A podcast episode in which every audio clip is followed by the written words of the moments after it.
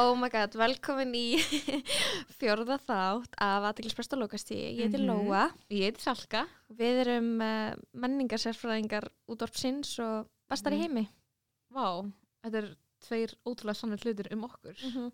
Við erum að vanar að fara út um völl í þessum uh, núna frægu þáttum. Það er hvað að- verið geggja ef að taka þann þátt. Við ætlum bara að tala um eitt. Við ætlum bara að taka fyrir eitt topic. Nei, það er ekki hægt. Nei. Við erum með tíu topic í dag og við erum að, við erum að fara yfir svo mikið að uh, við ákveðum að brjóta á uh, brjóta smá svona vana sem erum komnar í með aðra Mhm. seríu og fá til okkar gest og þetta er góðu gestur og ég verð að segja að við fórum ekki langt út fyrir demografíun okkar Salka, við leitum ekki langt yfir skamt er, hún er með sömu mentin og við hún býr sömu götu og ég. Hún, er, hún, er, hún er á sama aldurspili og við og hún er ólétt eins og þú. Oh þannig að ég veit ekki. Við, við hugsaum hvern getum við fengið sem, er sammála sem er eins og við nema önnur manneskja. með aðra rödd. Ég er þetta öruglega mjög oft mjög ósamalegur. Ok, það er Ok. gett að heyra.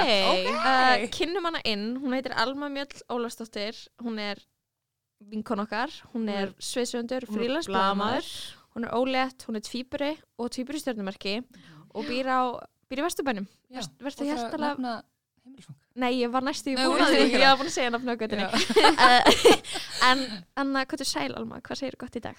Ég segi bara mjög fínt þetta. Ég, þetta er góða dagur til að koma í útarpi. Ég er ekki búin svo neitt. Þannig að Ok, ég er með minni svona, hvað heitir þetta? Bara minni filtera. Minni filtra, já. Ég held að það sé góður tími til að koma í útarpi. Mm Mhm. -hmm. Lítið af filtrum. það sem ég gerir sko, e, einmitt sko, til þess að taka neyður alla filtera er að, þú veist, ge gera eitthvað svona sem ég skammast mér fyrir Já. liða illa, drekka svona tvo kaffibotla á fastandi maga og það hef ég ekki að tapa það er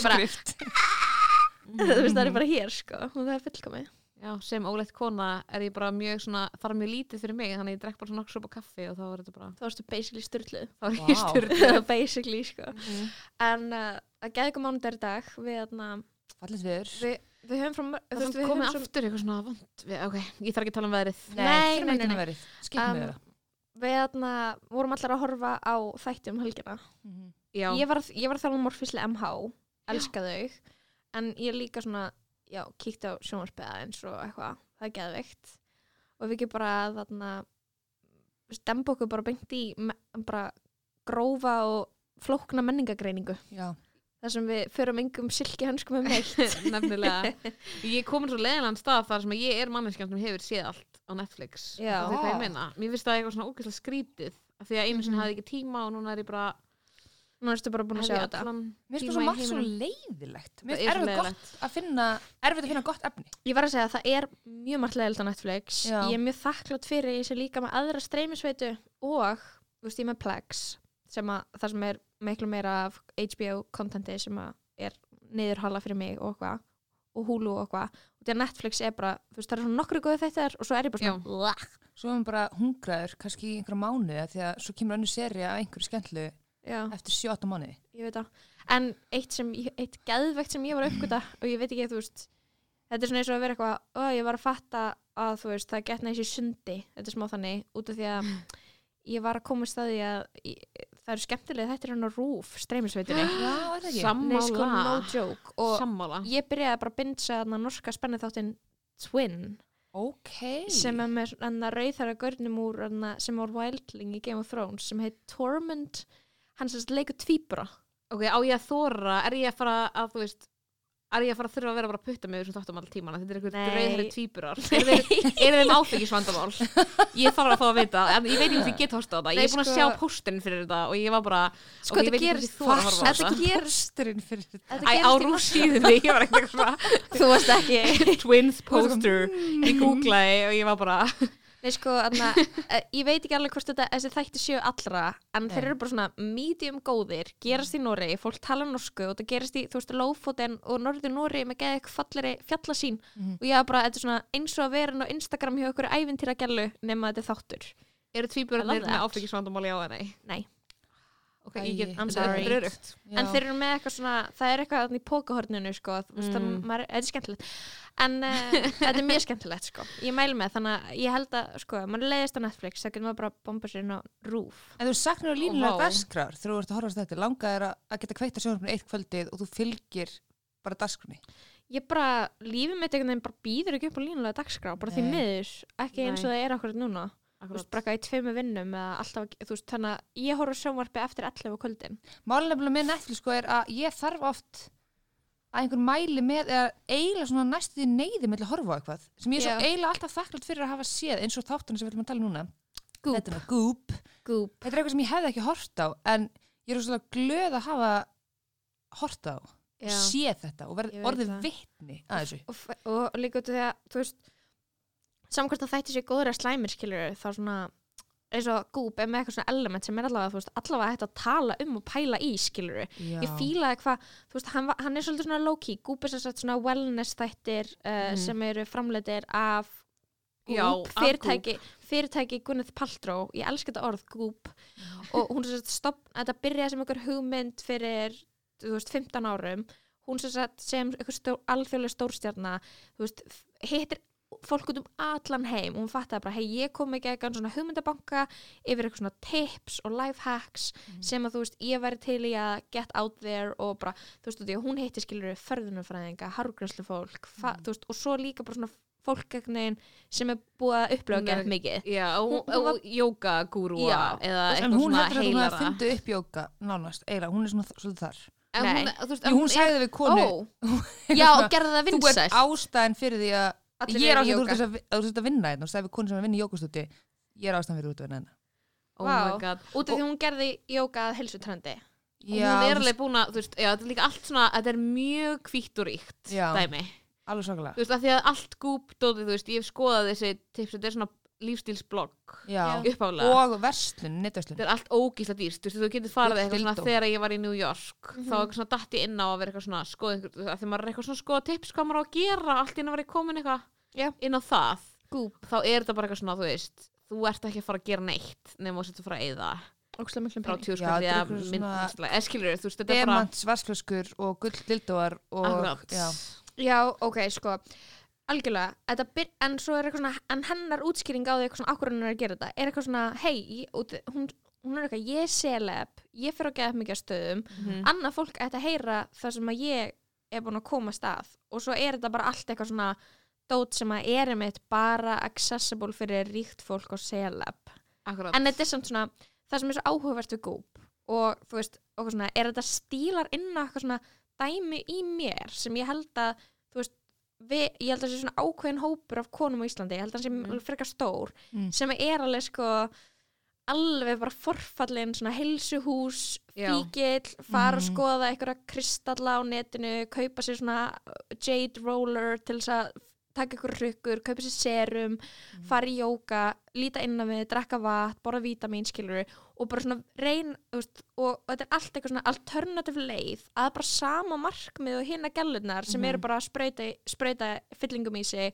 og fara í ljós eða eitthvað drasl. Og þetta er bara, þetta snýst um skilur að líta unglega út, vera falleg Mhm. og, og já, og líða vel skilur, og líða vel til þess að þú sért falleg En það er nefnilega það sem er rugglaði með með þættina er Já. að þetta er flest allt, ok, ekki allt, en eitthvað af þessu er eitthvað sem ég stunda sjálf. Já, í mínu persónulífi andra að tala um eitthvað svona ofnbærlega já, eða þú veist, þetta er kannski ekki endilega bara svo hugleist, mér svo með Wim Hof þættinu fyrir um setna aðsetni hann.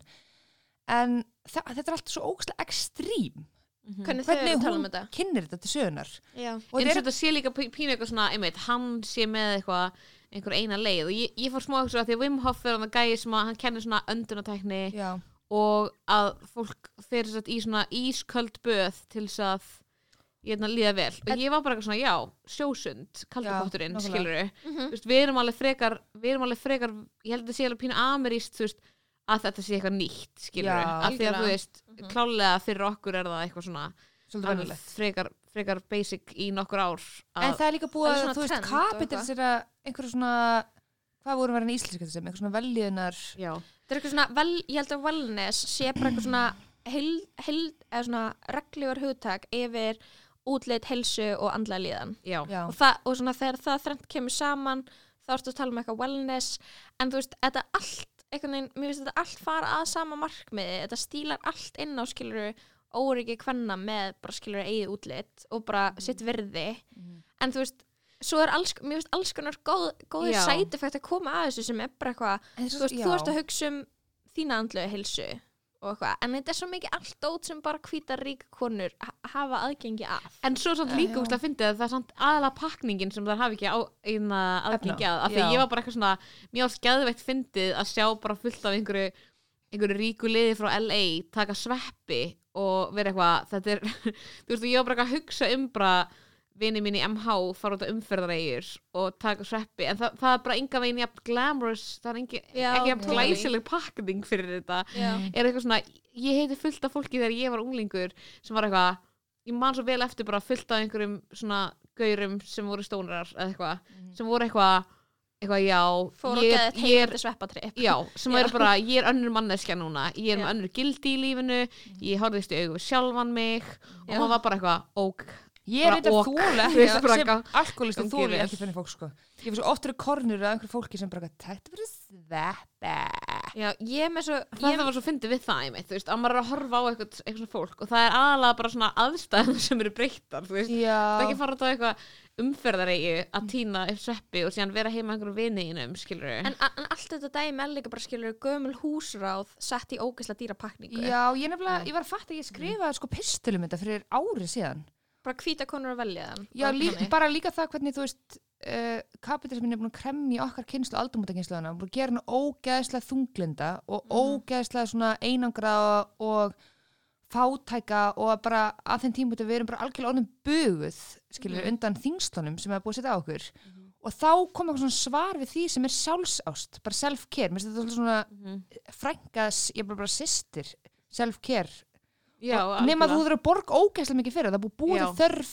Þú verður að kaupa maska, þú verður að kaupa krem, þú verður að kaupa Wim Hof bókina til þess að kunna Mhm. skilur hugleislu sem þú getur lært þegar á fimm mínútum. eða skilur þegar að á þess að hljóma svo eitthvað sækó þegar að skilur allt sem að getur lagað þig er bara svona dæmi sem býr innra með þér. Já, en þú færði ekki aðgengi að því að þú veist, út af því að þú ert hefur aldrei tíma til að staldra við. Já, og bara, að þú veist ef maður er, þú veist, alltaf gett upptökin í vinnunni ef maður er alltaf á barmi tauga áfalls ef maður er að dætt í burnout, skilur það ó, bara svona, það það maður þú veist, eitthvað svona, þarf eitthvað svona quick losun eða þú veist, það er geðveikt. Bara tilfinningin, þegar maður líður illa að fara að kaupa sér eitthvað hún er best, Já, það er enginn sem þú veist, en ef við hefðum meiri tíma ef við gætum, þú veist, verið eitthvað svona hérna bara sest niður í klukkutíma og hugleitt or some shit, bara, þú veist, sem er þú veist, ógeðslega margir gætu faktist gert, skilur Mhm. er eitthvað svona, þá getur bara svona farið yfir bara, eitthvað svona, gert eitthvað þakklætislista. Og mér skortir ekki neitt, skilur en út af því að við erum alltaf Æ, ég veit ekki. auðveldara líka, það er líka bara þetta með, þú veist, mér finnst svolítið merkilegt að þú veist, þessu þetta með jóka, þú veist, við erum alltaf að hlaupa í jóka, þú veist, Já. eitthvað svona að hlaupa til að fara í klukkutíma í jóka og svo Og svo bara drífa þig ógislega mikið, og þig kaffi eftir til þess að víra það eftir upp. Akkurat, þannig að þá er þetta svo, þú veist, þetta er orðið allt svona ótrúlega hólfa niður í eitthvað sem þú getur bæði keift og þú getur gert á stuttum tíma. Og þú veist, og alltaf það að vera að vera græða líka á, á öllu sem þú gerir, þú ert alltaf að vera að nýta tímaðin finnst mér.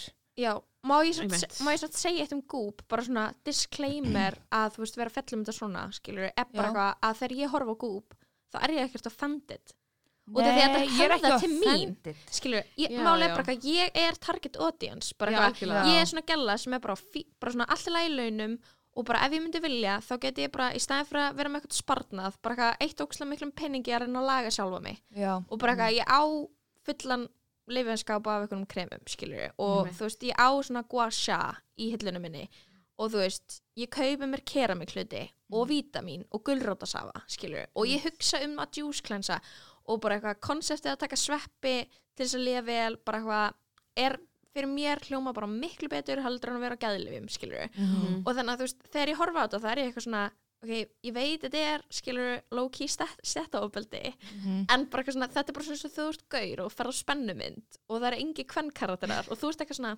Tengi. mér fannst gaman I didn't hate it, skilur Já. þú veist, ég er bara þannig eitthvað gúp, þú veist, ég horfði þetta með vinkonu sammála. minni sem bara eitthvað líka á fjóra saltlampa eins og ég og búta Já. postirinn á baði og við varum bara eitthvað mitt, Ég er bara í svo mörgum ókipis samtökum sem að stuðla að betri líðan ok, sem að má ekki auglýsa þannig að allir vita hvað ég er að tala um. Ok.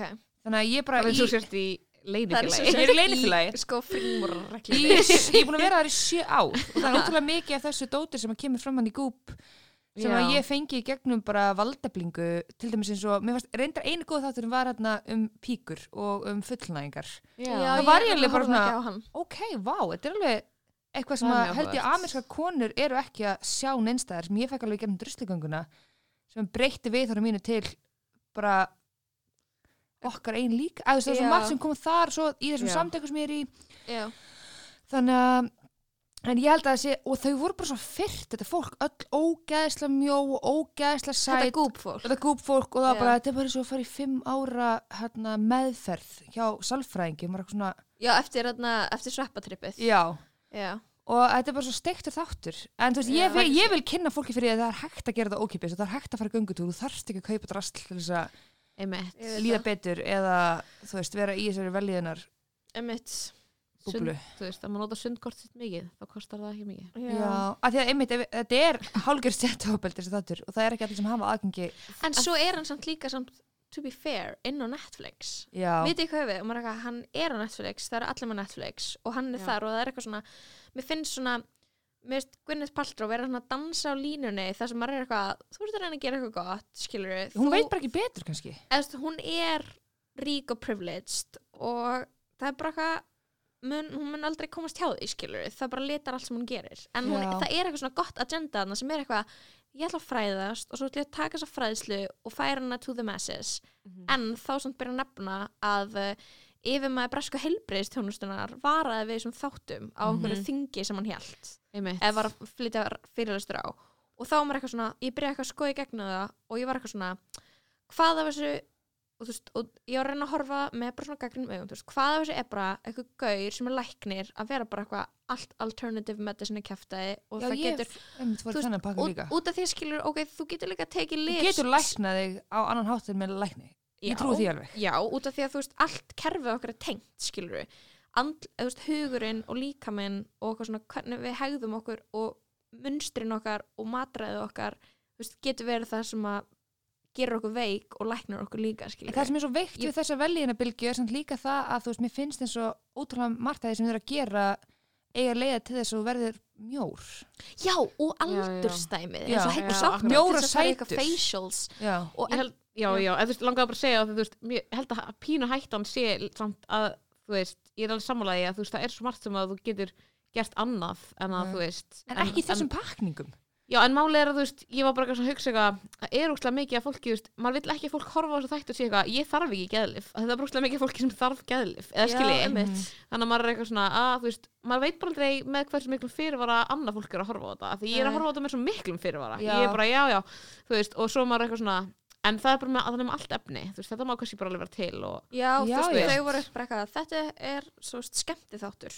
skilur Þið þurftu að gera það, að þið eru búin að fá svo að því að gúbíkinum árin er búin að fá svo ótrúlega mikið af Mhm. uh, gaggrinni fyrir að Einmitt. þið sé ekki með nú mikið að disclaimurum já, ég vildi bara, ókslega, ég væri bara svo mikið til að búa í samfélagi sem að þú veist þegar að það amar eitthvað að þér þá myndir bara fá heildræna hjálp, skilur af því að þú veist, stundum er eitthvað eins og bara konur sem eru með, þú veist leggöng og leg og eitthvað vita bara sjálfar að, þú veist eitthvað, stundum er bara vont að ríða og það er út á eitthvað í hausnum að þér. En þú, fer til, þú veitir kvennsitumalæknir og hann er bara, hann er veit bara ekki okkur þetta er svona. Já, og þú veist, og þá er bara svona þá er eitthvað svona gap þarna sem að þú veist, ef, ef, þú- ef þú myndir fara á okkur í ef þú getur fengið ykkur hjálp sem væri bara þannig bara eitthvað, ég, ég kvennsitumalæknir hérna er líka sálfræðingur og hérna er bla bla Mhm. manneskja og við tölum saman og við finnum út úr því hvað amar að þér en við þetta er svo hólfaskipt Mhm. það er annarkvæmst ykkur manneskja sem að ætlar að fara alveg þvers á heilbreyðskerfið og eitthvað svona er ekki, er ekki skilur inn í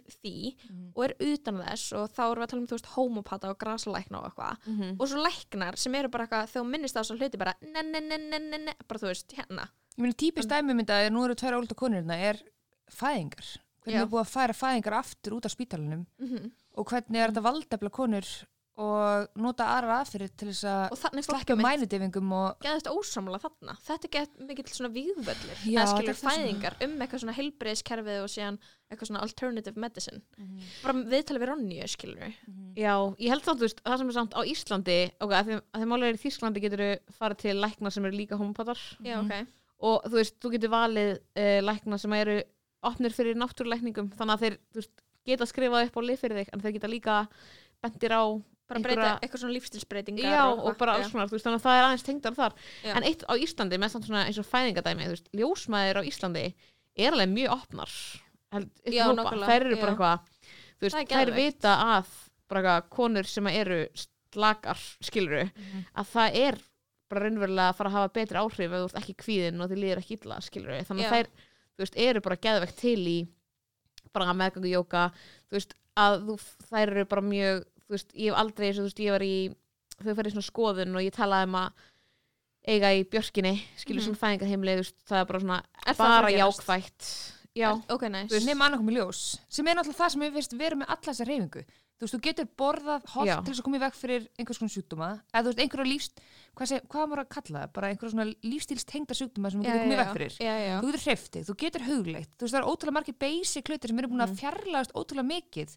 Sem eru bara basic hlutir sem að fara læk- göngutúr sem eru sem að læknandi. heimilisleiknirðin myndi ekki segja að gera því að þá væri hann eitthvað svona Já, en heimilisleiknir segir mann líka að fara út að labba sko. já, ok, þú veist, ok. fyrir kvíða, þú veist, það veit allir að ef þú fyrir út að hlaupa, þá getur þú hægt að taka gæðl, eða það hefur sem áhrif að reyfa sig taka og taka gæðlif en ég myndi Ekki aldrei, alltaf, en- ekki alltaf, nei og ekki öllum tilfellum, en þú veist, það er mjög mikið sem er hægt að prófa, eins og með björkina. Ég er að fara Já. að fæða björkinni mm þú veist, og ég treysti bara þessari leið þanga til eitthvað annað kemur ljós. Ég er ekki að fara að hafna og segja bara ég ætli ekki á spítala einmitt, nákvæmlega En það er held þetta ég svolítið gera dæmið. áður en er að grípur inn í. þetta er eiginlega ókslega gott dæmi um mjög vel hefnaða samtfinnun Já. skilur, Já, já, því að, að þú ert með eitthvað fæðingarheimili það sem eru ljósmæður Mhm. þær geta metið að þú þarfst að fara á spítala og það er eitthvað engar ferðu bara á áættir spítala, já, það er sem skilurðu. ég fíla ljósmaður eru svo fucking vel mentaðar Já. það eru bara eru- með ógeðslega langa háskólagráði mm -hmm. og og þær eru líka leikskólakennarar af hverju er þetta svona illa launa stundum er ég bara, oh my god ok, ég veit Mhm. þetta er ekki, þú veist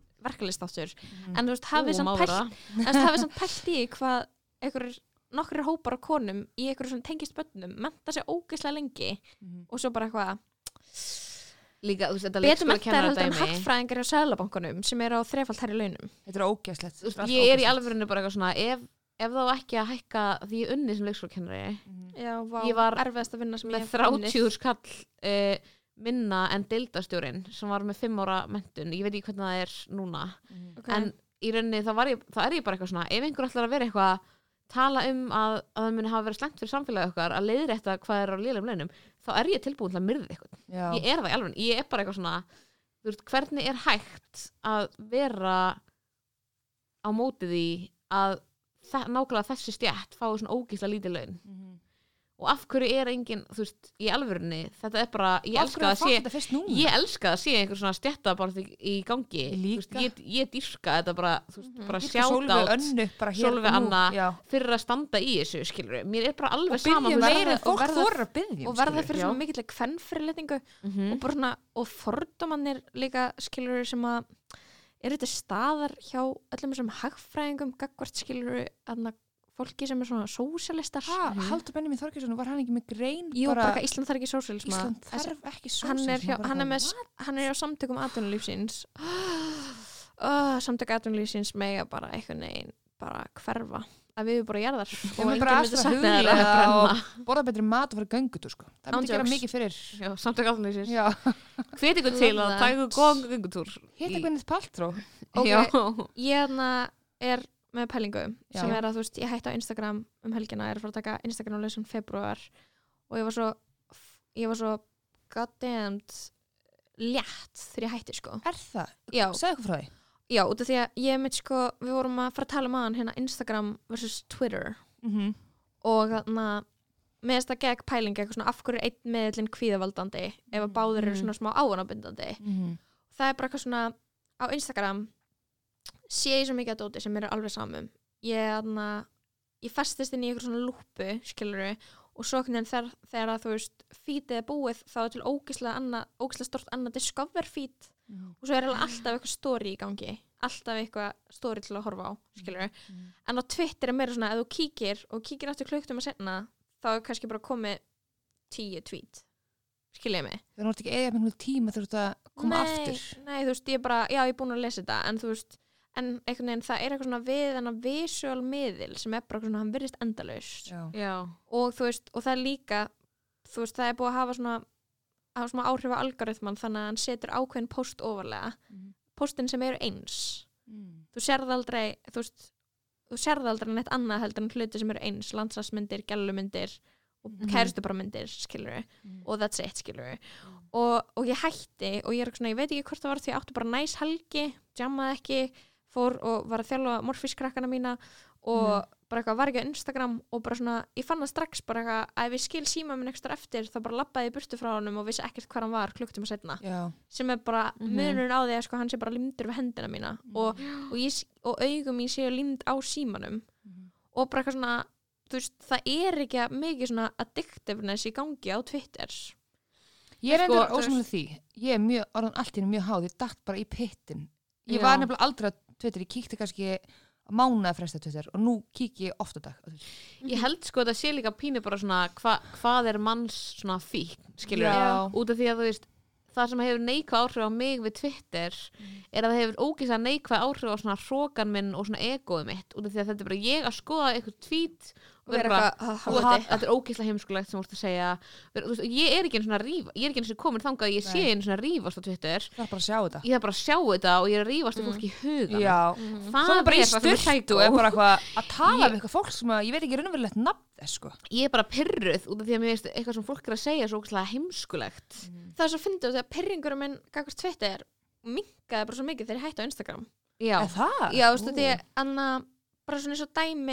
þú veist, og að á Twitter þá kannski deilir fólk eitthvað svona eins og bara eitthvað það, því sem að Haldur Benni minn er að segja um sósialisma Mm. þá klikka ég þá og kíka þá er eitthvað svona djúvill þessi gaur óþólandi en þú veist, Þið veist þetta vera raunveruleg frétt að veita já, þú veist ég er eitthvað svona Já. ég er ekki að fara að taka screenshot af þessu og setja í story á Instagram með close friends og segja þessi gaur með fokka sér. Þú veist, ég er bara svona, ég ger ekki neitt við þetta og bara, ég hef ekki þörf til þess að taka þátt í Twitter-rivildum, það er bara svona það hefur ekkert upp á sig, það er leiðilegt og þú veist, alltaf þegar ég segi eitthvað á Twitter þá svara tíu leiðilegi mér og ég bara svona, ég horfi á það og ég bara orðin bara gett svona dau, þú veist, namb gagvart því nema ef ykkur drullar yfir mig þá er ég eitthvað svona, uh, skilur Já. Það er bara alltaf einhver að drulliði mann og því það er alltaf einhver tilbúinleika drulliði mann. já, Á Twitter. já, En ég skilði mjög vel að því ég fylgjast með fréttum daglega já og mér finnst næs að sjá hvað fólk hefur að segja um fréttir. Já, mér finnst það líka, Það en er- samt hata ég Twitter er samt svo líka svo mikið, en þetta er mjög svona en þetta er skárra heldur erður balna en, Ó, það, ég er, hata en Twitter. það er ekkert gáfulegt á Instagram. En það er e- rosalega lítið af því sem er á Twitter er líka gáfulegt sko. Já, en þú Það eru nokkri sem eru að segja eitthvað gáfulegt. Og margir að segja eitthvað kjátt Svo er bara svo mikið siðróf í gangi Þú veist, Það er bara svo mikið fyrring en einhvern veginn á Twitter getur alltaf að Elska- vera eitthvað svona lesi orð og svona setningar sem fólk er að mynda en á Instagram er það bara eitthvað Já, þetta er alltaf bæðið veist, hræðilegt. skilurðu. Samfélagsmiðlar elska í fyrsta yfir lega að höfuð. siðróf sé orðið eitthvað svona orð sem að er notað eiginlega í hverjum þætti og ég er notið í lífi. Fólk hefur bara siðróf, Agnes Biskup hún lét siðróf tvenda Hún gerði það. Ég er svo sammálaðinni þegar hún sagði að Hún er- auðvitað var er siðróf eftir, þú veist, við erum, við erum að sjá er er útvarpi. Agnes Biskup drottning. Sko, guys. En að veitir að úlingadrykja er búin að aukast geðast mikið og vinur minn sem vinnum úlingum er bara eitthvað, já það er af því að úlingarnir eiga fóreldra sem eru bara eitthvað þú veist, ég ringi í það og segi bara hérna, herru, 15 ára úlingur en er fullur af balli og pappin er eitthvað svona ok, og sér ekki vandamálið. Já, já, já. Út af því að það er bara svona, þetta er bara kynslu af fólki sem bara svona er bara einhvern veginn alveg sama. Eða bara fast á Sko- Twitter og er bara eitthvað bytta aðeins. Ég held klálega, þú veist, mér er samt klálega að þjóðkirkjan vil kom hingað. ég veit það ég veit, þú veist, Bíddu, en hún bíddu. samt hafði lög að mæla þótt að kristinfræði sé ekki ástæðan. Já, ég er að segja, Kristoffer, hún hafði lögamæla Kristoffer er ekki ástæðan, en það er aðalega bara því að þjóðkirkjan er fucking weak. Ég væri til í að Já. þjóðkirkjan væri bara Væri- svona orthodox, Ha? georgísk. Real Þetta andlu bara þjóðkirkjuna. já, einhver alvöru andlu leiðtogi. Það er Mér Agnes finnst bara biskup ekki ekki, meik, er sko. það bara án bara ég, your til í ég var til í bara Vá, einhver típu var- að ykkur bara, verið aðlæð held ég Kári Stefáns væri biskup. Bara Dalai Lama skilur ef hann væri andlega leiðtói í Íslandi við værum svo better off. Þú veist, ok, ég hef ekkert á móti að ríkið styrkja ykkur andlega málefni. Og til að, sorry, bara það, það þýðir að við, we, we give a shit skilur, annars erum við bara Já. peningur í heilbreyðskerfi, okay, peningur í Mm. þú veist, við meðum setja meiri pening í menningu við meðum setja meiri pening í listir og, og eitthvað svona trúalega andlega málefni út af því að, þú veist, sorry hitt er bara, svo, hitt er bara svona þetta er bara ný frjálsiki bullshit að kötta ríkistyrki frá einhverjum trúasamtökum þetta er bara eitthvað, þetta vera sjálfstætt bara eitthvað, ok, trúasamtök reygin í hagnaðaskinni í bandaríkjunum er að eyðilegja bandaríkin, skilur ef þetta er ríkistyrt á Íslandi, þá bara fer fólk í söfniði sem það vil fara í og það er bara flott ég bara styrkja AA skilur En er ekki flestir samt utan trú, eða er ekki orðið ótrúlega mikið af fólki sem er samt utan trúfélaga? ég er í siðmennt. samtökum um dialektíska efnisíkju og það Vá. er æðislegt af því að formar er- þess er Dialektísk Albaníu valdi. efnishyggja. Þetta er, svo, þetta er svona atheist reddit youtuber jú, nei. Ég skil ekki eins og hvað það þýðir ekki. dialektísk efnishyggja. ég veit ekki, ég hef ekki hugmynd sko. ég breytum ég er trúfélag á hverju ári. sko, ég er í þjóðkirkjunni. Ég vil utan bara eitthvað flott á hverju ári og þeir eru alltaf að gera eitthvað næst. Þeir eru alltaf að gefa flóttamenn penning og eitthvað. Er þjóðkirkjan stendur líka upp að gefa flottamönnum já, þú veist, kirkjan Þau- er fullt af starfi sem, sko. sem er ókipis ég er þau hafa eitthvað að gera sko Lóa sækir grafaskirkju reglulega. Já, gott sér. nei, reyndar ekki en, en ég bara, ég mun ekki fara úr þjóðkirkjunni sko. Ever. Ó. Lóa er í þjóðkirkjunni? Mhm, vá, Vá. mhm. Hún ég er er hægt að því sem ég vera svona í minnilhluta hópi Já, Þú ert ég er það ekki, mér- þið eru í búblu. Já, við ég erum... segi minnilhluta hópi í búblun okkar. Já, já, ok, já. ég er minni hlutu hópi í búblun okkar. En ég var bara að hugsa bara að fá einhvern afgerandi inn sem, þú veist, biskup skilur Bara ég að ég? bara, bara ég sem biskup. bara Lóa biskup. og hún væri bara, þeir eru ekki og þeir eru auðmíkjar, þú veist, að þarf einhver að segja fólki bara, já, Að að sé mjög að- ómerkilegur. að, obvious hérna, að taka ykkur betri gildi og fylgja þeim, þú veist, fólk, eitthvað fólk gæti ekki svaraði, svona venjulega mannskjöld og götu, gæti ekki svaraði hvað gildismat þeirra er. Nei, nákvæmlega. Ég veit þetta er alhafing en fólk er bara eitthvað, skilur Bæ. veit ekki neitt og sko þeir eru, ok, ég elska Og þetta er að líka gera svo hratt. Ég er drykja. er að enda sem eitthvað svona þessi þáttur er að fara að enda sem eitthvað svona ég og Lóa með ógísla sterkar og það skrýta skoðanir. En þú veistu hvað, það Ég- er ekkert að því að vera eins og harmageddon þeir voru góðir að þeir eru hryllingur. Hvenar samt voru þeir góður? þeir voru yngri. Þeir áður en það Þeir voru voru- þeir voru relevant, en það sem ég er að hugsa er bara eitthvað svona það er svo kallt hérna sko ég er undir flýsteppi, ég er bara svona svo. hvað er já, eins og með foreldra Já. ég er náttúrulega með mjög ég svona, ég er að fara að verða foreldri skilur Já. Jeps. og mér finnst flesti foreldrar ég hef unnið með börnum mjög mikið Já. og foreldrar eru ekki alveg upp börnum sín nei, nákvæmlega þau eru ekki alveg upp til að gera neitt þau eru bara eitthvað svona bara eitthvað að fljóta áfram Já. og halda að skólar geti séð um þetta er það að ræ fólk. sko. Er það white women wellness ræ? Já. Ræ á Íslandi er það pínu, ræ er hvað ógsta góð pæling við þurfum að Já. útskýra, sorry, það veit enginn hvað ræði er Nei, Nei, það er respectful parenting en það er náttúrulega eitthvað sem fullt af fólki er alveg búið að vera að gera Já. en málið er að þú verður að setja börninni mörg og Já. þú verður Það líka, er verður ræ. innræta hluti í batnið þitt og þú ert eitthvað svona batnið þetta fatt veist, að ákveða sjálf hvernig manneska það er er bara, why? sorry, þú þarfst að segja við batnið þitt bara eitthvað, við gerum svona. Það er ekki Og ræ, kenna það er why. Það er why. hvað er það? að ég var bara Hún vitna bara búið, hún bara búið til frasa fyrir þig til að vera næsti andlega leiðtögi á Íslandi. Sem er á móti ræ. ég ætla að vera skilur, Ég ég ætla að vera biskup og kenna fólki alveg bönnu sín út af því Með að þú veist, það er, það er siðröf og því að þú ert bara eitthvað, já 15 ára barnið mitt má drekka, I love that Ég skilur held að það sé nú ekki þannig. Er það ekki, eða hvað? Ég hef ekki kynnt mér ræ að fullu, en ég held að nei, ekki nei, þú veist Mér líður eins og það er úlíkandi fullt sem ég þekki góðum hlutum Í gangi í ræ, sko. þar en, Já, já. En en fólk hefur er ekki alveg... að fólk þarf að má ekki gleyma í að þú veist þú ert ekki að byrja virðingu fyrir mannskja og setur henni ekki í mörg að þá ertu ekki svona að byrja virðingu fyrir En sjálfur er ræ ekki bara fá skýrmörk? Er það? Jú, og, svona, og samþykja tilfinningar Já, og er þetta ekki bara svona... Ég ætla að... samþykja tilfinningar barna Ræ er náttúrulega það sem ég var að kalla þetta út sem eitthvað svona white women uh, wellness dæmi eitthvað dæmi er bara að því að þú veist það er svo fáir sem hafa tíma til þess að kynna sér þetta og sinni að þetta er mjög tíma frek uppeldisaferð sko. það er líka málið, þú veist, þannig er er alveg pínu. stay at home mom dæmi Já, þetta er alveg jóga þú, og- En á sama tíma, veist, og líka bara svona helsta talsmannski eins og Íslandi, bara svona án þess að vera neitt eitthvað svona á móti henni, af því að það er bara mjög mikið að sniður hlutum. Veist, þegar, ég horfa hana, þá er ég að horfa hana, hún býr á Bali í ógistastóru húsi og er ógista rík. En Þá er ég eitthvað, þú hefur tíma til að gera þetta. Og þá er ég bara eitthvað svona sem ég bara að hugsa um, þú veist, einstæða mæðið með þrjú börn sem er í fimm vinnum, þú veist, það hef ekki tíma, þú veist, til að vera alltaf eitthvað ræ. þessi konu á Íslandi er ekki til. Einstæð móðu með þrjú börn í fimm vinnum ha, Er einstæð það- móð með þrjú bönnum fimm vinnum? Já, það er Já, ekki til. Ekki Ok, fimm vinnum, skilurðu, þrem þrem vinnum. Já. vinnum, já, það er til. fyrir ekki að lofa, ég skal lækka bara úr við fimm- skulum hætta að íkja hérna svo að það sé hægt Í að taka marka á aðteknastu lokastígi ráðgefandi podcasti uppeldi, mentun og síðferði já, Það er hvað fólki að er. gera þú veist, pældi að það er eitthvað að hlusta og er bara, nei, fakt checka þetta ég, við erum að tala svo hrætt það er ekki að fakt checka nei þú ert að spila podcastið á 0,8 Já. hraða að Við mælum alveg með því Já. að spila podcasti aðeins hægar. Ég vil að spila það á 1,5 og fá bara chipmunks bara Lóa er þegar með chipmunk filter á ég, ég, ég veit að ég am a chipmunk. Amar chipmunk. En þú veist, í rauninni er það sem við erum að tala fyrir er sterkari fólk elskar að hafa þetta hljóð í rann á sér. Þetta er Hljóð sem á fólk elskar. Ok, talandi um Siðrof Já. þá sá ég á Instagram. Já, uh, Kylie Jenner sem er um, hluti af Kardashian fjölskyldinni á barn sem heitir Stormy. Það er svo Því gott er að Já, vera barn er tveggjára ok. Stormy Jenner. Stormy Jenner. Stormy og uh, ég held að það siðlausast sem ég séð var Instagram story hvernig var það? Hvernig af afmælið? Af barni sem er tveggjára Já. og ég þarf raunverulega að sína ykkur það.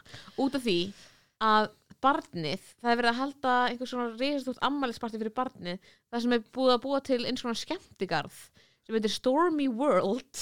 Ég- svo hún lappar inn um uppblásið svona Ego. haus af andlitið barninu. hennar. Andlitið Andlitið hennar. hennar. það er bara uppblása andlitið á tveggjara barni og það lappar í gegnum munnin. Þetta munur svo, þetta barn munur svo leiðilegt Twitter eftir svona Nei, þetta tíu barn, ár. þetta barn er að fara í geðróf þetta barn mun Út valda af því- skada í samfélaginu. Nei, Það þetta, mun þetta barn er að hryðjuverk, sko. Já, þetta mun ángur fram með hriðverk næsti Það Unabomber skilur ekki hvað veruleikin er. Nei, og það var einhvers konar og það eru svona hvernig Tívolítæki. tífólítæki já, það eru tífólítæki tífólítæki sem að eru líta út eins og svona ógíslega hana, dúkkan í Story. Dúkkan í Toy Story sem er svona batshaus með svona Klón. köngulóar Svona arma. arma. Mm og, og það er búið að raunverulega búa til einhvers konar Hausinn tífólítæki hennar með hausin hennar Arma. með arma. hausinn á hreyfast. Stormy Jenner með arma og svo líka þetta farið svona vél þess að hún setur svona coin í og svo kemur svona kló og grýpur svona Stormy haus. Og ég er bara eitthvað, hausinn var út um allt þessu. hennar út um allt og í þess að satt sér er það segir, hún skilur ekki veruleikan hún er Nei. bara eitthvað og ég er bara svona, sorry, hvernig datt þeim þetta í hug? Hvernig datt fóreldrar mennar þetta í hug? Ég veit þau eru rík og fyrst en samt svona, þetta? Get ég haft samband við barnavendanemnd í bandaríkunum og sagt bara, hér er barn sem og er það er verið að brjóta á því. Það er verið að brjóta Það er á verið að því. brjóta því, raunverulega. Ándjóks Af því hvernig átt að skilja að nafnið sé líka alls staðar og það sé allt eitthvað stormy, eitthvað hún er svo lítill innræðisherra Ég vil að sína ykkur, uh, að hér er, hérna, hefur einhver verið ráðinn til þess að vera með resastóran stormy haus á sér til að dansa um á. Getið ímyndað eitthvað vera tveggjára og sjá Þetta, eitthvað þetta er minning, með minning. eftir, eftirlíkingu af hausnum á þér? Þetta er martröð. Þetta er svo illa cursed. Þetta er martrækjant það er martraðakent og það er ógeðslega, veist, og það er verið að selja vörur og það er fullt af frægu fólki og merch er, drop af andlitin á tveggjara barninu mínu hafið þið séð hitt bann og svo er verið að spila ógeðslega háa trapp tónlist og það er alltaf ógeðslega dimmt hann inni og ég hugsaði bara eitthvað svona, hvaða barn fílar þetta? hvaða bann fílar þetta? Bara svona, ef ég veit eitthvað um börn þá er það, þeim líður ekki það vel í ógeðslega mengum háfaða, mannfjölda Mm-mm. og, dimmu umhverfi þar sem er fullt af eftirlíkingum af andlitin á því Nei. að fljóta um þetta er er bara svona martrækjant En ef við reynum að minga þetta eins og hugsa okkur nær öll þessi á- áhrifavalda ammæli sem er í gangi á Íslandi já, þetta er á sama meiði. þetta þetta er sama á sama meiði. meiði. Sama meiði sko að því að það, það vekur svolítið upp spurninguna bara fyrir hvernig er þetta. Þetta er Já. ekki fyrir hana. Nei. þetta er fyrir foreldrana. Þetta og er þá maður ekki- bara eitthvað, af hverju ertu að láta ammali bara snúast um þig? Já, Já, og eða, þú veist líka bara eða skilur ógeðslega mikið sem við gerum bara, þú veist, einstaklingshyggjan hún er bara búin að eitra í okkur heilan og allt sem við gerum er fyrir okkur sjálf. Líka ammali barn okkar. Mhm. og bara svona framkoma okkar við annað fólk og bara svona hvernig við gerum hlutina það er bara hvernig er þetta best fyrir mig? Og bara, Þess við erum fast í þessu. þurfum við að hætta á Instagram, ég hugsaði þetta þegar þú að að þú veist að tala um eitthvað svona uh, óttan sem ég skil ógeðslega vel að hætta að vera relevant ef maður er ekki þáttakandi á samfélagsmiðlum. Já. sem ef, þetta er raunverulegur Þú ótta því að að hverfur. búa til þessa gildru að þú hverfur þá ertu ekki þáttakandi Þú en ég hugsa bara mér langar að gera það einhver svona þetta er svona, uh, hrópandi mótsögn að gera það einhver svona tískubilgju að vera bara get irrelevant. Það skiptir ekki máli. Já, skoðin hætta að vera skipta ekki öllu máli skoðinni þínar á hlutum skipta ekki öllu það er máli. svo gott að segja þetta í skoðan á podcasti. Ég veit það. Já, en sko, en satt raunverulega. En má ég líka tala um eitt á Íslandi sem Já. er bara, það er of mikið frambóð af öllum. Já. Spurningum að minga frambóðu sjálfum sér og hverfa út af einu miðli og fólk getur stundum jafnvel tveim Já, eða öllum. ándjós, fólk getur hugsað í eina sekundu hm, ég veit ekki hvað Lóa er að gera núna í staðan fyrir að vita um hverja minn einustu gjörð mína og hverja einustu tilfinningu. Mhm. þú veist, það er veikt. Já. Oh my god. Pæling, minga frambóðu af sér. Að því ég er búin að hugsa svo mikið í tengslu við ég, nenn- ég er ekki að, þú veist, að því ég var svo mikið svona vinnualki en ég var ólétt og mér, fannst ég þurfa ég fann fyrir svona tilfinningu ef ég væri ekki að gera svona framlag til samfélagsins Já. í fórum einhvers að þá væri ég ekki til. Ég var farin að hugsa þannig ómeðvitað bara ef ég skil ekki einhver út já, og er ekki með framlag þá er ég bara ekki til. Já, og núna er ég bara búin að vera að fara í göngutúr fara í bað og það er geðveikt. Það það er svo gott. Og og, það er líka pík góð tilvist. Og, en ég, er samt, sko, ég hef ekki skammast mér fyrir þetta nema kannski svona eins og einn tvisvar hvað ég er búin að fara mikið tilbaka. Og ég man fyrstu tólf vikurnar á meðgöngunni þá fríkaði út yfir því að ég ætti sko ekki eftir að koma tilbaka inn í þetta dæmi að vera Mhm. alltaf með og koma með eitthvað punkt og mér finnst bara svo geðvitt að bara stíga tilbaka og vera bara gett irrelevant, bara skoða mín skiptir ekki máli, ég þarf ekki að skoða öllu, ég þarf ekki að vera meðalstar, ég þarf ekki að láta sjá meðalstar, ég þarf ekki að vera sjopplutt í verkinu í hafnarhúsinu. en pældi samt hvað þessi, hvað Sko, þessi mér líður hugsunarháttur- þessi ekki til og því ég er ekki búin að sjá sjáflustuverki í Hafnarhúsinu og það er engin búin að bjóða mér. Nei. en, en alveg, þess í hvað þessi skoðun er líka þá bara rótgrónir fordómar okkar gagvart mæðurum ef þú heldur að þú getur ekki gert hluti út því þú ert móðir bara þegar allar mömmur sem eru búin að gera ógeðslega mikið Já, en Þú ég líka, ég og skipta talaði einu ógeðslega miklu við máli. sviðslistakonu uh, þegar ég var að gera, taka viðtöl fyrir útskriðverki mitt. Mhm. Talaði við sviðslistakonu sem að var með að tala um að þú veist, mann ætti ekki að gefa út sviðslistakonu og tvekkir að fresta, þá ætti bara alltaf læg, bara fjölskylda mann svo ógeðslega mikilvæg og, og bara svona að tala um önnur gild heldur en að vera alltaf relevant og alltaf í umræðinu og alltaf með verk. Og ég man þú sagði þetta, að maður fannst þetta spennandi tilugsun Mhm. og ég með þess að Karl eh, sem var yfir deildin okkar þegar ég útskrifaðist Já. veit ég hvort það sé yfir núna, en skiptir svo sem ekki máli. Ég, veist, ég tók viðtölu hann í útskrifaverkinu mínu og hann var bara sviðslistir skipta ekki alltaf öllu máli alltaf, þú veist. Nei, fjölskylda mín skiptir miklu meira máli heldur en Já, sviðslistir. Einmitt. og þetta er alveg svona þetta er alveg, þetta er ekkert eitthvað ný hugmynd en mér finnst þetta samt gett gott sérstaklega fyrir konur að það er á líka verið inn í því að þurfa að sanna sig og, og brjótast í gegn með að vera mömmur og Já, akkurat. En okkur má maður ekki bara vera ir, smá irrelevant og fara í göngtúr og fara í maður má það og ein, einu sem er eitthvað að banna manna maður sjálfur. Já, Og en þetta er þannig. sama og hverfa af Instagram skilur við, að því að þú veist, af hverju þarf maður að vera með í þessari þvælu? Þetta er ógeð, Instagram er ógeð. Má ég koma með annað Má ég koma og snúa am- umræðinu annað sem er Já. bara svona annað merkjum siðrá í samfélaginu? Ú, þegar við, eru ger, þegar við gerðum lögreglu stjóra Já. að Þú útvarpstjóra mátt útskýrta fyrir mér, því ég, ég er ekki alveg nú inn í af hverju hann má ekki Ok, vera út ok, sko, hann má það en Já. það, er sem sagt, það eru nokkri hlutir sem að stinga í þessu ferli þegar við erum að ráða nýjan útastjóra Já. það var ekki gert ofinbært uh, umsækjendaferli Mhm. og umsækjendurna sem þýðir að það er náttúrulega stjórnmálmenn sem velja í þessu stöðu það er sem sagt hópur sem heitir útastráð og það er skipa að stjórnmálmennum og við vitum náttúrulega hvað flokkar er meira hluta og þá hugsa maður, ok, það búið að vera alls konar í umræðinni um sko að rúf sér náttúrulega svolítið svona vinstri sinnaður miðill og Mhm. margir stjórnmálmenn sem vilja kannski, þú veist, laga þann halla, þar hallar á um, umfyllunum ríkistjórnina, bla bla blú blí bla, skilur og það eru búin að vera einhver 11 karlmenn ríki, nei, útastjórar átta karlmenn eða eitthvað. Hann hann er níundi eða eitthvað, skilur og og atna, hann, hann vann senast á fjölmiðli 1996, hann vann á tímanum eða eitthvað að kæfta það Mhm. og síðan þá er hann búin að, þú veist, vera lauruglumæður lauruglustjóri, hann búin að vera borgarritari sitt í ráðum og eitthvað skilur Mhm. en það var sem sagt seinasta þáttaka hans í ykkur svona fjölmiðlastarfi og þá var eitthvað, ok, ef við erum að setja Stefán Eiríksson í þessu stöðu til þess að, þú veist, er það pólitísk ráðning Fólk er nú búin að tala um þetta sér svo. Já, en þú veist, Það er samt bara út af því að hann er hann er gæi. nútrál gaur Já.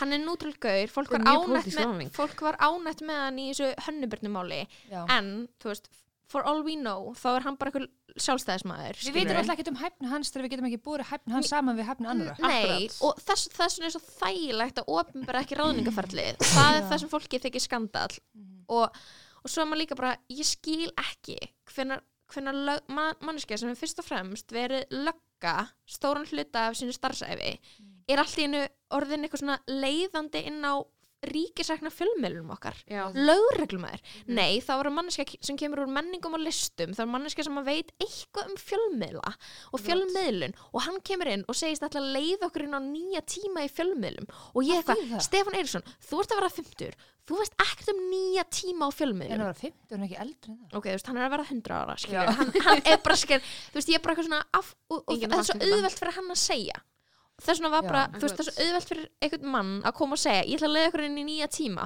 Og þegar er likeable út af við þá er fólk bara eitthvað, hey nice. Og ég er eitthvað, nei, það hefði þetta að vera kona. Hún hefði þetta að koma með menningum og listum. Hún hefði þetta að vita eitthvað um fjölmiðlun. Og hún hefði geta, þú veist, power drillað okkur inn í nýja tíma, skilur Fólk er Og ekki við að tala um að vitum að það voru þannig konur og, sem sóttum. og löggur já.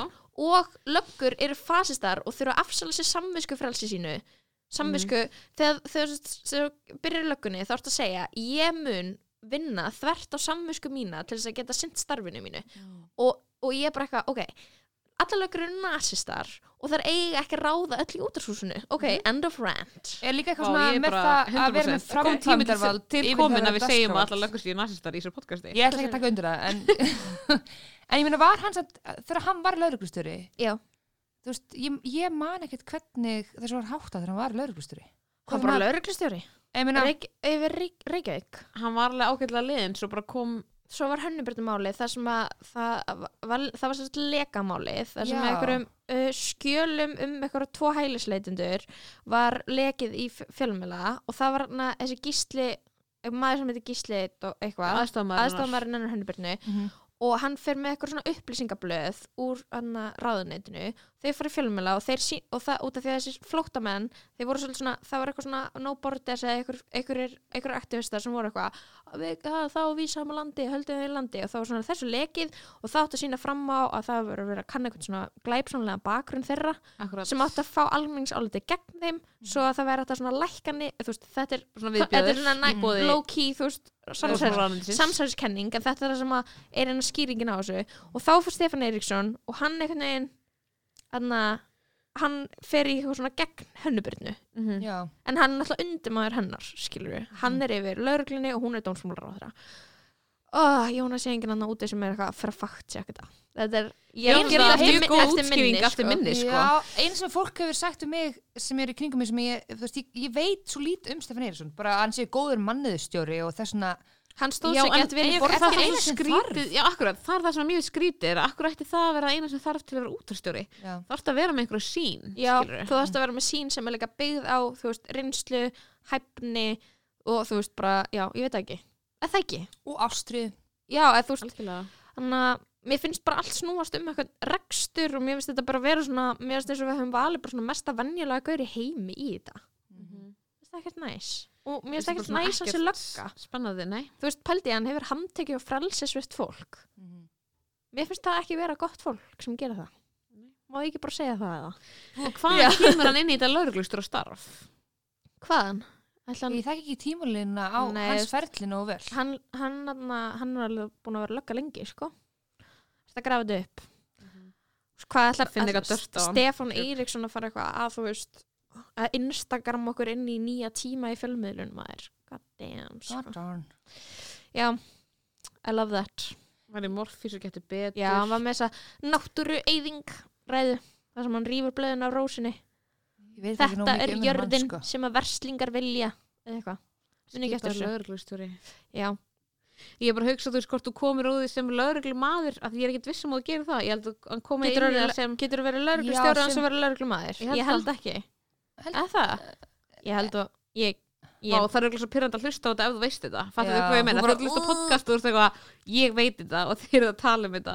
Ég held sko að na, þú getur ekki verið lauruglustjóri hann er alveg skrifstjóri dómsmála og löggeislu skrifstofi, dóms og kirkjumála Já, kannski er hann ekki lögga. síðan, En en, máli er að þegar þú ert lögreglustjóri þá stóra löggan. þú ert, ert ábyrgu fyrir því sem gerist innan lögreglunar sem er bara Já. fullt af einhverju ógeðslu shiti. Þú ert tólf. Það er bara, þú veist það þarf pínu að að hérna, þú veist, átta sig á því að það að vera lögreglustjóri, þú veist, það er alveg mjög góð punktur í einhverju öðru ríki þá væri það bara talið eitthvað, eitthvað fasist move að setja dæmi, sem útastjóra það Já. er bara mjög skytið og þú veist, og það er bara það að hann sé ve- vel liðin að það sé ekki fleiri að setja spurningamarki í það. Það er bara það að því að hann er svona er vel liðin sem lækabúl gæi, meina, við skilur veitum ekkert hvort að hinur umsækjandun hafi verið vel liðnir eða ekki, einmitt. En svo er það líka bara, já, veit, vel liðin. Almennisálitið. ég Hvað kannski er það, skilur? já, Almennisálitið er bara þú átt að geta dæmi. ákvarðanir, fyrir ríkistöðu á að Þú- það þurfa að vera vel liðin kannski Þú áttu kannski bara, þú veist, þetta fólk áttu kannski bara að ráða ykkur í þetta í þetta starf sem er eitthvað svona kannski smá fjölmjölamannskja. Er það, is that too Mm. much to ask? Nei, það Er það svona ekki. fáar, hæfar fjölmjölamannskjur í Íslandi? Akkurat. það komur Ég alltaf það óvart ekki. þegar hann var ráðinn Já, ég vissi af einhverjum umsækjandum sem ég hugsaði bara sem var miklu augljósir valkostur já, mitt. það var kannski núna, hefði alltaf kannski þessi fjóri seinustu umsækjendur ættum kannski að vita hverju þeir eru að minnstakosti, kannski ekki allir sem Einn af- sótt um, Einn af þeim er Kolbrún Halldórs. já, sem er mér finnst frábær Vali stóð milli hennar og, og Stefáns. veist hún frábær og það var jafntefli, fjórir eða fjórir og svo var gert eitthvað svona úrslita atkvæði frá uh, formanni út á sráðs eða eitthvað og þá fór það yfir til Stefáns sem sagt, þá fellaði ég vil hann, honum í vil. Og svo var að gefið út að þetta hefði verið einróma ákvörðun bara Mhm. til þess að ég held það nefnilega, ég sá það þetta var einróma nefnilega ákvörðun. var ekki einróma ákvörðun það var bara svona ákvörð þú veist, ég, ok, bara eitthvað þú veist, það kannski meikar alveg sans að segja eitthvað sem einróma ákvörðun bara svo það lúki eins og það hefði verið meira svolítið ákvörðun, skilur Mhm, Það er eitthvað, þetta var einróma skilur, Mhm. I don't know, pæling. Pæling. En uh, það komið að uh, ég veit ekki, mér finnst þess að ég sé búin með randvikunar enn og ný, Þú randaðir ég randaði um lögreglustjóra. um lögreglustjóra. Já, en þú veist það er náttúrulega bara já, en ég er, með, an, ég er með annar rand sem tengist þessum koronavírus Eru tölum aðeins um, já við verðum eiginlega að tala um það. Já, út af því að hann sem sagt er frá á upptök sín eða upptök hans er í Kína í hann Wuhanborg. Mhm. og það er eitthvað svona að vera að bregðast við út um allan heim og, og þú veist, fólk verður eitthvað veik. Þetta er svona, svona frekar basic held, Þetta er influensa, já, þetta er Já. lúnabólga, skæði lúnabólga en veist, eins og er þá er þú veist, dánartíðinin ekkert eitthvað svona styrla há. Nei, hún er bara 2% eða eitthvað. Já, ég veit það ekki alveg hún er allavega, hún er mjög mikil hjá þeim sem fá hana sem eru eldri eða með undirleikandi sjúkdóma eða eitthvað þannig. Og tölur náttúrulega er ekki alveg komnar, sko, ég var að mynda að lesa bara í gær, það er fara sífælt hækandi og mér veist bara, ég held þessi gott að ég gerði sko segum helgina að sko að vera smá rasísk. Já, og ég lærði ógeðslega mikið af, af þessum hugsungangi sem ég fór í gegnum, þau? þú veist, verandi ólétt og vera eitthvað svona ger, ég bara, ég, mér finnst ég vera meira hrætt við eitthvað svona skrítin hluti. Já, Þú veist- kannski bara líffræðilega eðlilegt ég veit Já, ekki, bara því ég veit ónæmiskerfum mitt er verra Já, og ég veit, veit ég ber ábyrð okkur öðru lífi. Já, þá allavega, þú veist, gerist í segum það að hérna vera lappan í lögvegin og ég bara segi þetta upp og mér- ég held að þetta sé fleiri en ég sem hafa lent í þessum hugsunarferli. Já, og ég sá túrista sem að ég gerði bara ráð fyrir að vera kínverskir túristar. Já. og ég fekk bara svona, mér langar ekki að fá kórnuveruna þannig ég dreif mig niður lögvegin og ég var með spritt, ég var sem ég sprittaði mig eftir á. Og svo átti ég í samtali við vinkunum mínar og vini um þetta og ég hef bara eitthvað að útskýra fyrir þeim að þetta væri ógæslega hættilega að vera og ég kom svo ógæslega hátt upp í einhvern veginn svona hræðslunni og panikinu sem hefur fyllt þessari veru aha. Og var alltaf bara eitthvað, en af hverju má ekki vera hrættur við uh, fólk sem er að koma frá Kína til Íslands? Og það er bara, þú ert að orða þetta svo ógæslega veittast þú ert bara að segja að þú ert hrætt við kínuska túrista. Það er að segja bara uh, þú ert hrætt við fólk sem er að ferðast frá Kína þar sem að veiran á upptök sín ég Já, svona þú veist ekkert hvernig það fólk lítur út þannig veit séð það eitthvað nei, ég meina það get, það getur verið þjóðverða sem búa. Íslandingur sem býr í Kína og er að koma hinga þaðan, þú veist, við veitum ekkert en Mhm. ég fór alltaf svolítið vörd fyrst af því að þú veist, ég bara er það að segja sér rasistist ég, ég veit, ég, innst inni ég er ekki rasisti, ekki verið að segja þetta er eitthvað sem ég þarf að tala um þetta með Íslandinga og rasista. Já, auðvitað vil enginn vera stimplaði rasisti en ég fór svo að hugsa þetta. Ég verð, ég verð, verður að komast að hvernig þetta endaði. Já, já. annars er ég Mhm. bara búin að segja að ég sé hrætt við kýmverska túrista. Að svo fór ég að hugsa þetta og ég róaði mig og blessunlega þá náttúrulega bara hjálpaði vinið mínu mig mjög mikið að því þeim mætti mig bara með skilningu og bara auðvitað, ert, í skilningu ertu hrætt, ert ólétt og þú veist þetta er veira, er, þú veist þetta er hættulegt bla bla bla. Þú þarf veist ekki að búið öll umræði í fjölmiðlum er þannig að það sé mér hættileg Já, þú þarft líka ekki að leggja ógeðslega mikið mat á eitthvað sem kemur sem impuls eitthvað við? Já. Impulsi manns, impulsar eru bara skilja þér random eða skilur þeir, já, Ég gæti alveg ekki komið í vekk fyrir það, ég hef ekki geta, ég, þú veist það, ko- þessi tilfinning kom, Mhm. ég hef ekki geta rasalins hennar niður aftur í tíman, skilur okay. En allavega, svo fór ég að skoða þetta og uh, þetta er bara orðið svona out of control með rasisma og korununa. Fólk að 100% sko. bara banna kínvisku fólki yfir höfu og komin á kaffihús og hérna á Íslandi Oj. eða í í útlöndum. útlöndum er það orðið að einhverju svona dæmi.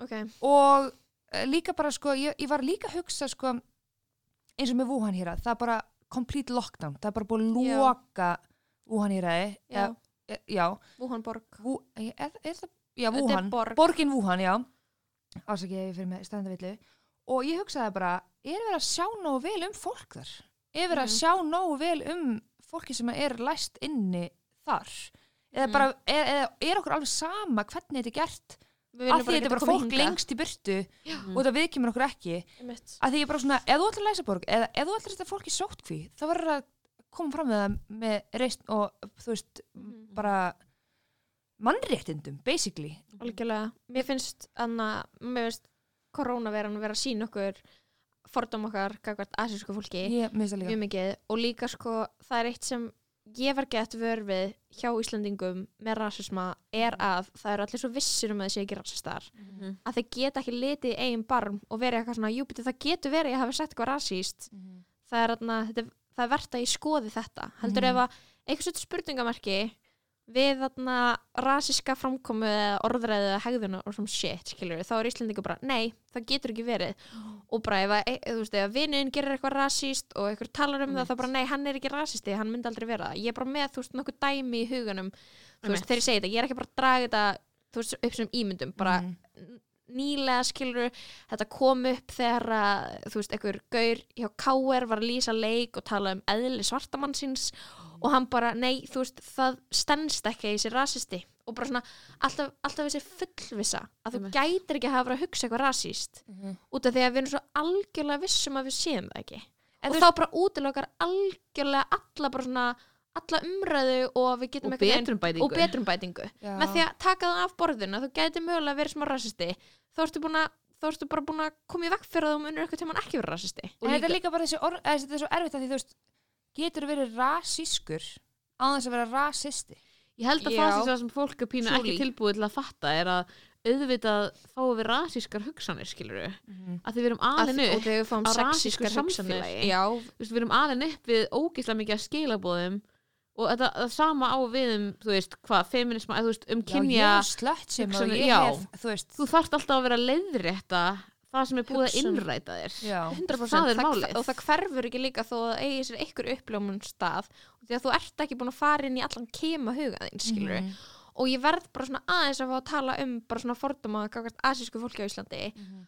að þarna að við erum miklu minna búin að skoða það heldur en fordóma það okkar gagvart fólk af öðrum kynþáttum heldur en Mm. og ég bara svona finna í popmenningu og bara þú veist þá bara svona er sko veginn hvíts fólk skakvart asísku fólki hún er svo lítil. Og hún, þú veist, hugmyndir okkar er svo ógeðsla stereotypiskar að ég bara svona sá Instagram hjá manni í íslenskri tónlist Ó, ég sá það já, líka. Já. það. Já, og ég sá hana uh, svona mynda honum með, þú veist, grímu við hliðin á asískum kassastarfsmanni í bónus og fyrir utan það Íslendingi sem Já. býr á Íslandi Já, og fyrir utan það hvað það er mikið stjættaofbeldi að byrta mynda sér í gæðið dýrum fötum við hliðin á manneski sem er að vinna á kassa og láta eins og þessi manneska sé ekki manneska heldur bara tóken kassastarfsmæður objekt Ob- í myndinni já. Já. bara eitthvað svona sem þú stillir Tóken veirusíkt kassa sem þú stillir upp í hliðina eins og þetta sé stitta eða málverk eða hús Mhm. þegar þetta er bara, þú veist, þetta er svo mikið er hlutgerring hlutgerring sem er rasísk Mhm. og ég er bara svona um, þetta stendur mig líka einhvern veginn nærri og þegar kærasti minn er hálf asískur og ég fó bara að hugsa bara um, ég fó bara ég varð allt í einu bara svo ógeðslega meðvituð um hugmyndir okkar um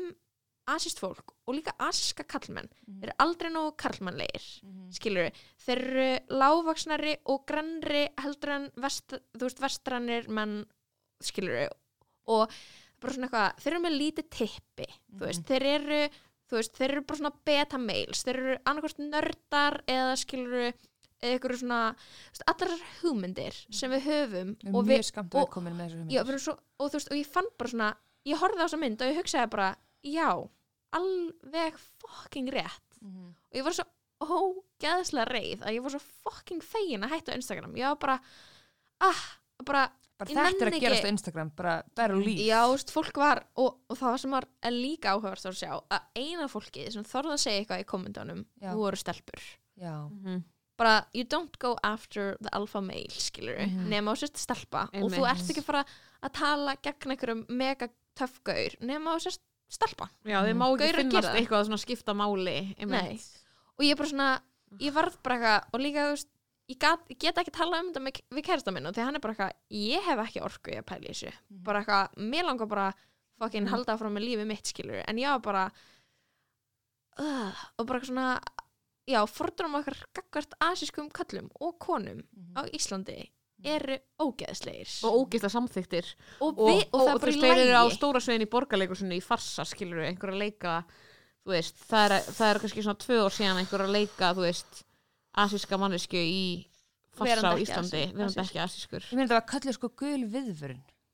Já, Kórnurinn, maður er bara eitthvað En samt, og svo finnst mér ég eitthvað svona sjálf einmitt hafa hugsað eitthvað svona sem að er rasíst og ég bara, vá, meir þess að að það að kippa sér upp sem einhver impuls ég, ég man líka þegar ég var lítil og ég var eitthvað svona sá múslima í fyrsta skipti og representationum á flugvöllum það var Væri þeir 10-11. verið hryðjuverkamenn? Já, já, og ég fekk svona nah! og það gerist einu sinni, skilur og svo maður eitthvað, ok, þú veist með impuls út af því að þú veist, heiliðin er bara fullt af ófyllturum hugsunum sem sem að að skilabóðin sem Já, sem þau eru eitthvað svona þú að miðla úr einhverjum skilabóðum sem þú hefur fengið. Þú væri konstantlega að rækta og ekta á þessar hugsanir, það væri kannski allt önnur umræða right now heldur en að þú fáir impuls bara eitthvað, ég ætla að flýta mig framhjá einmitt, en það er líka það þess er- sem ég langaði svo ógeðslega mikið að, að tala um þetta uppátt og algjörlega. ræði þetta, búa til umræð um þetta eða því að þú veist, ég veit ég er ekki eina mannskið sem hugsaði þetta og ég Auðvitað frekar að þetta, þetta fjúl sem notaði í umræði til þess að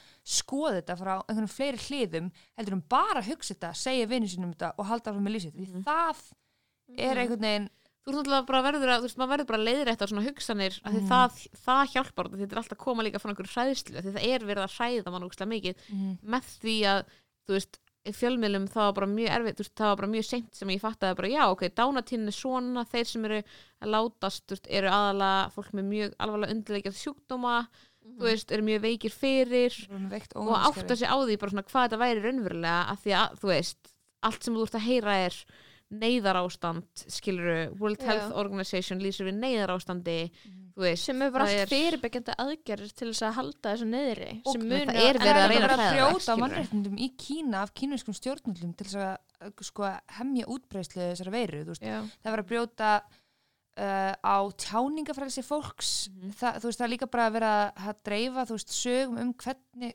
hver upptök sjúkdómsins eru.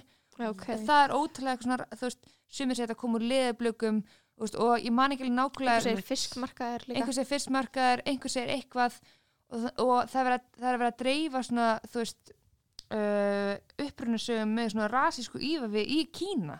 Já, þú veist, að, ég er ekki, ég er ekki einu sem tala um fyrir utan Kína og þú veist, fólk má ekki tjá og þú veist, það, og alltaf líka hérna, töfald af há og uh, hvað, World Health, Health Organization. Organization eru búin að vera að segja að kínve, kínvesk yfirvöld hafi staðið til að vel þegar kom að uh, hvernig er að bregðast við Mhm. en þú veist, það var líka þannig að uh, kynverjar máttu ekki segja frá því eða upplöðu einkenni verunar einhvern ákveðin tíma, ég meina þetta er búið að vera sín í desember, Já, þú veist, og ég hugsa bara, ok, ef að þetta væri að gerast uh, nær okkur uh, einhverju vesturnu ríki Já, þetta er ekki meiri skandal hvernig, þú veist, ef einhverjum borgum Ég heldur sem því miður bara mjög svona ónæm gagvart mannréttindabrotum í Kína. já, ég er að segja Og það, ég meina ef að Berlín er þið lokað með þessum hætti þar sem að, þú veist, fólk má bara ekki fara út og geta sendt einn í fjölskyldinni til að segja byrðir.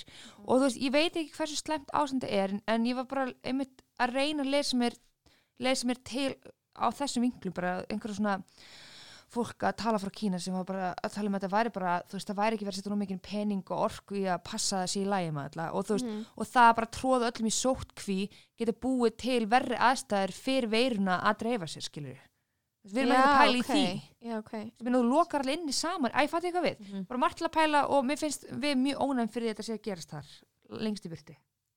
Truly, truly. Sko, Þetta er bara góð loka orða á hann. já, Hvaða þátt við erum að klára hann? ætlum við ekki að gera randvíkunar Jú, gerum randveikunar. Ég þarf að hugsa hvað randið mitt er Æ, Og ég, að- tók það aftur. Ég ætlaði til dæmis að randa um al, nei, ég ætlaði að randa um anna, alfa gaura að finnast þeir að hafa leifi til að punchdána asíska karlmenn. já, Já.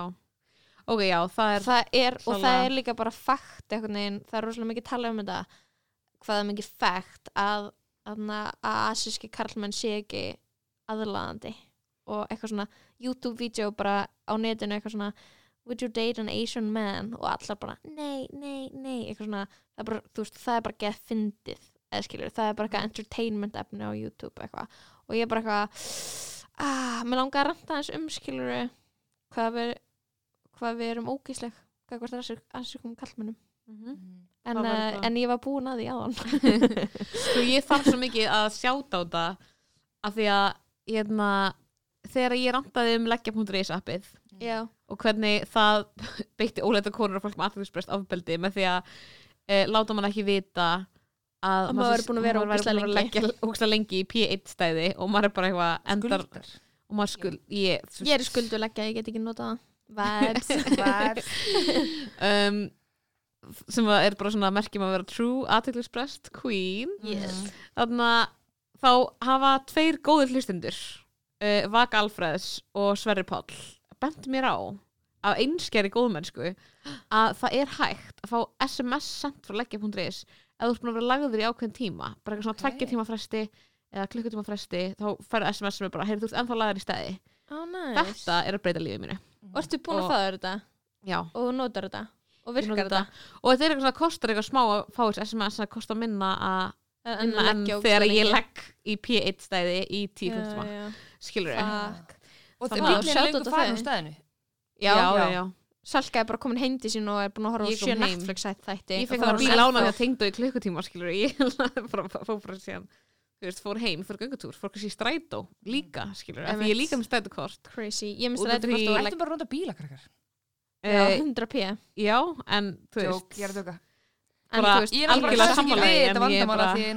með bílpróf það er bara geðveikt Það er bara sko. hluta mínum veruleika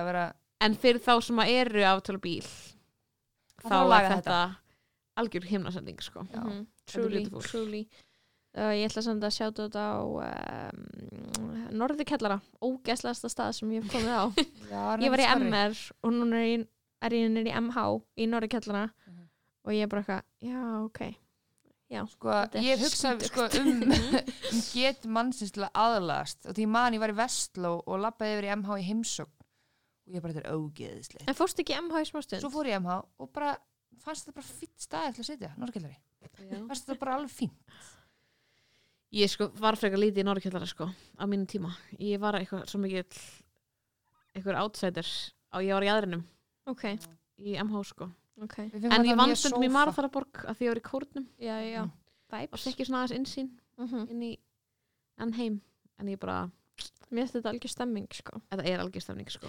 Mentaskólar eru algjör stemming. Og því meira svona siðum og menningu og hefðum sem eru því eitthvað meira næs er það veitir hvað við, þú veist, að koma inn í einhvern skóla og þú bara eitthvað joinar, já, hérna er svona félag og við gerum þetta og eitthvað. Í stæðan fyrir að vera brakstar og það skiptir ekkert máli hvort þú ert eða ekki.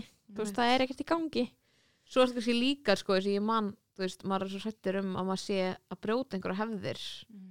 og verði einhvern veginn útskúfaður af því að maður skilur ekki hefðinar mm -hmm. svo ég var ekki viss hver mætti verið í sandkassanum að reykja og það væri bara fyrir eldri.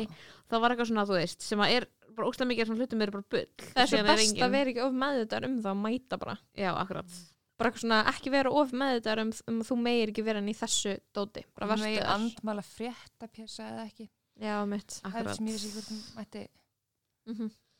sitt, mentaskóli Það er- skólu. En randvíkun er bara, þú veist, þá færi bara frípassa mínútu á að til þess að randa Já, ég er bara verið hengd á hagatorki hengt á hagatorki, það Veistu- er geðvig örlög ég held að við þurfum því miður að, að Bara þeim lið.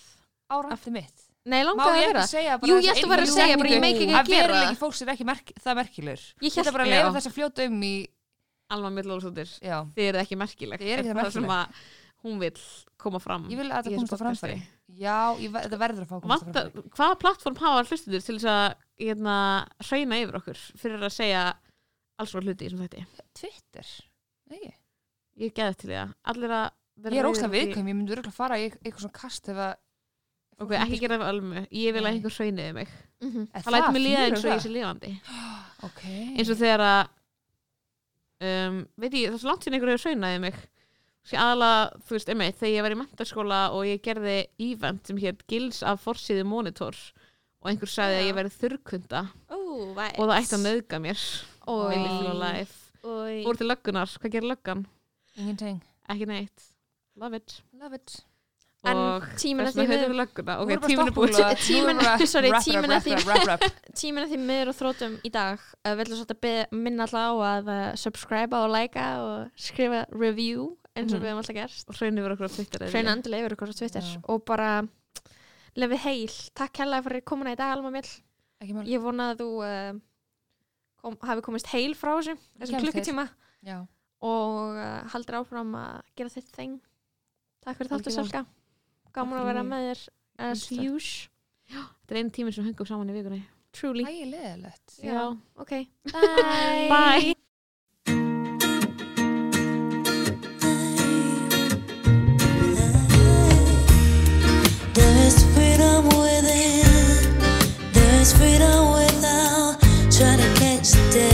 A paper cup. There's a battle ahead, many battles are lost, but you never see the end of the road while you're traveling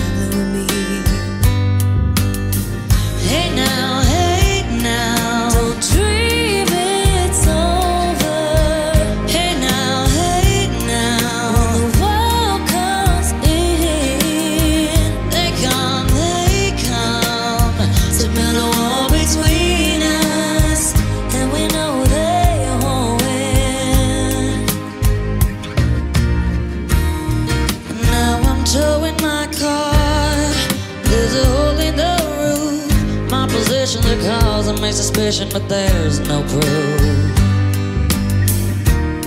And in the paper today, it tells of and of waste. But you turn right over to the TV page.